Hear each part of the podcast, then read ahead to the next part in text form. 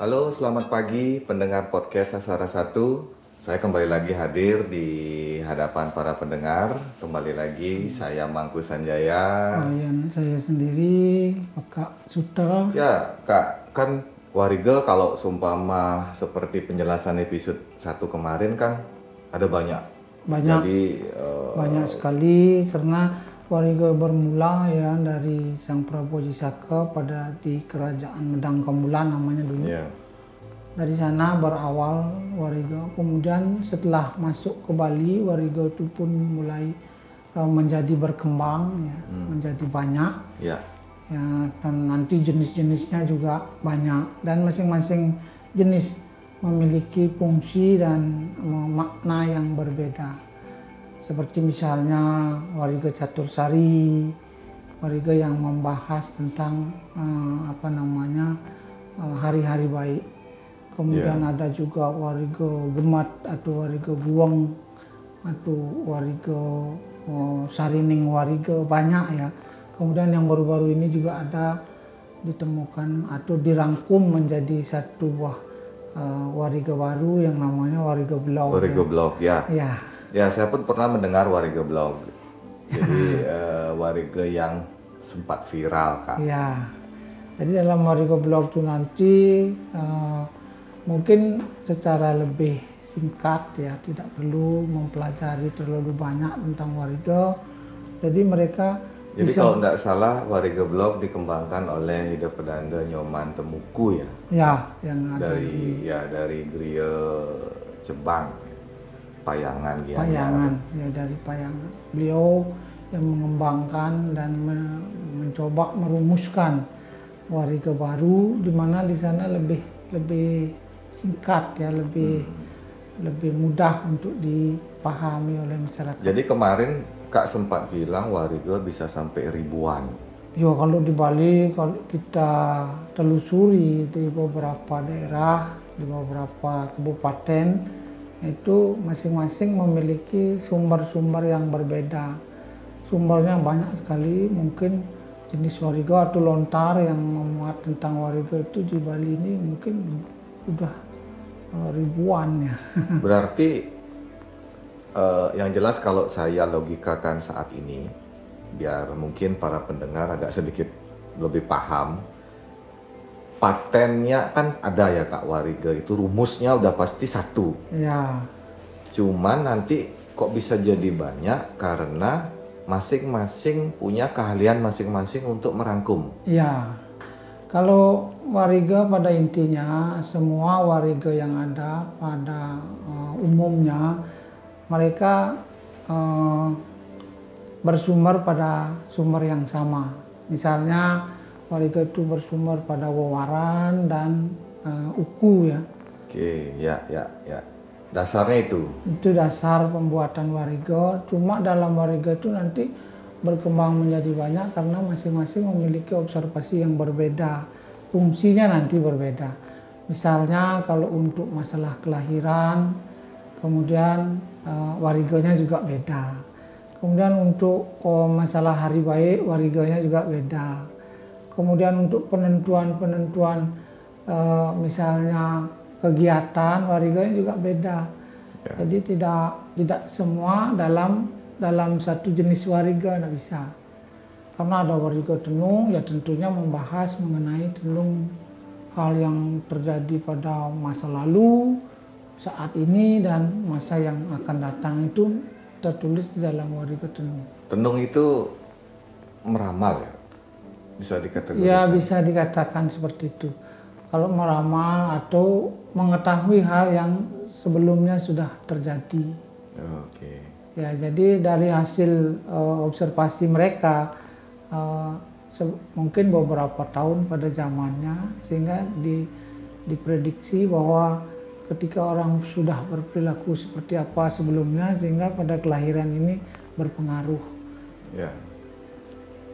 Itu sangat erat hubungannya dengan eh, apa namanya eh, agama Hindu di Bali karena mereka percaya sekali dengan yang namanya reinkarnasi atau punarbawa kalau di Bali namanya kelahiran kembali.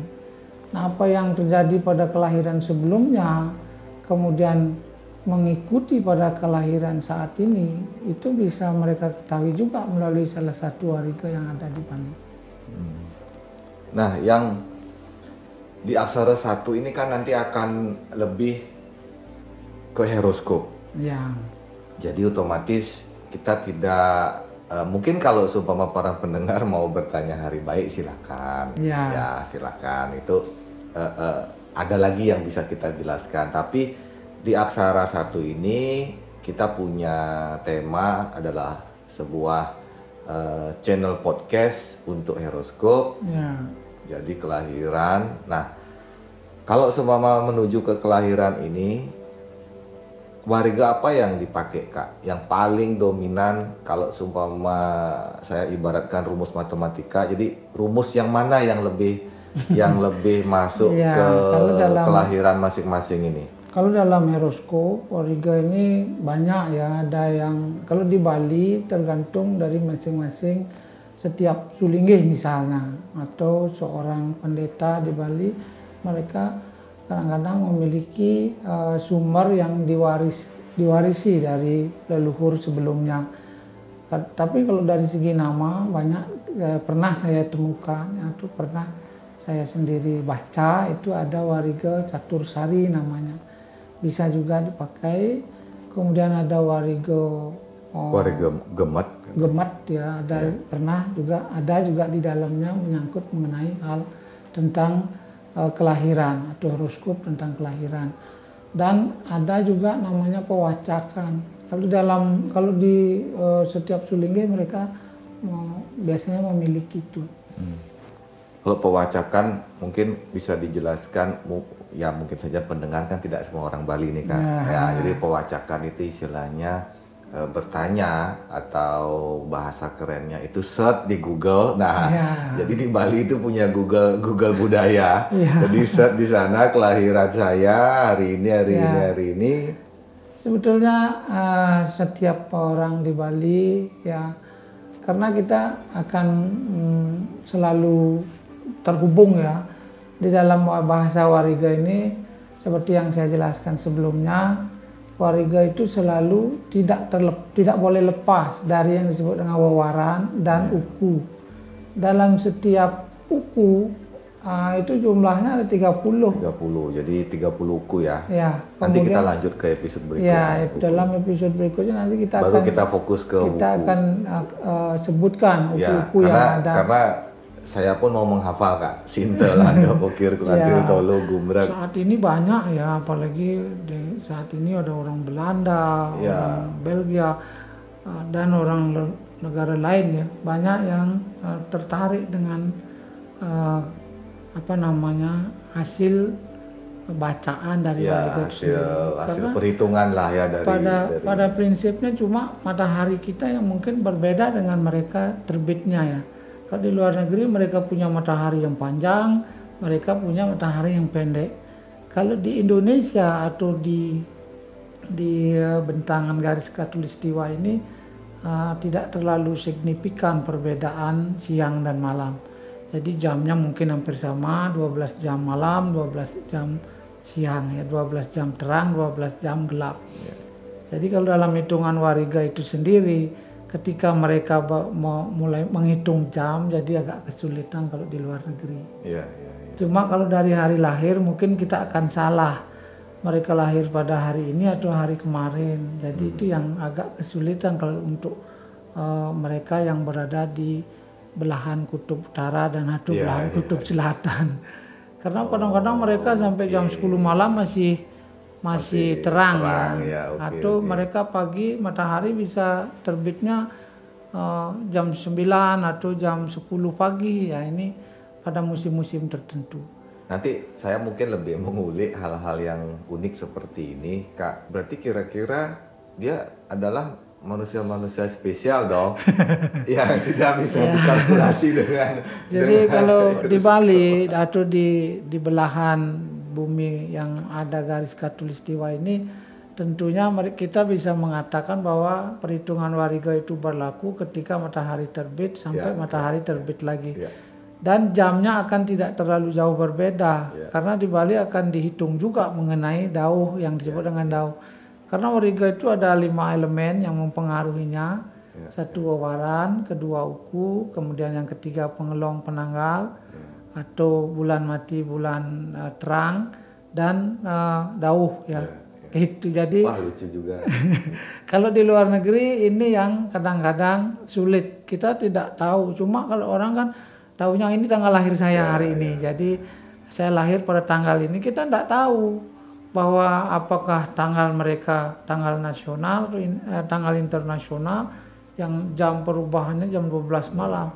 Mungkin saja mereka terlahir jam 2 atau jam 1 Dan kita malam. tidak tahu pada musim apa. Kalau musim panas kan Iya. matahari bisa sampai jam 10 malam. Ya, kita juga tidak tahu walaupun Betul, betul, jam betul, sama betul, ya, betul. walaupun jam sama. Ya karena karena dasar perhitungan wariga itu tergantung apa ada ada rumusannya juga dengan jam kan. Ya. Nah, jadi dia lahir jam berapa, jam Ya. berapa, jam berapa. Jadi tidak bisa kalau bilang 100% nanti akan Ya. menjadi sebuah Cuman memang nanti ke depannya eh, aksara satu ini kan prediksi kak. Jadi ini adalah sebuah hiburan memprediksi sesuatu lah. Bukan Ya. berarti kita mengabaikan sebuah konsep satu yang namanya ketuhanan. ya, kita- kita kembali coba, ya. kepada eh, itu tadi seperti yang apa yang Ini hanyalah prediksi Hanya dari perhitungan logika.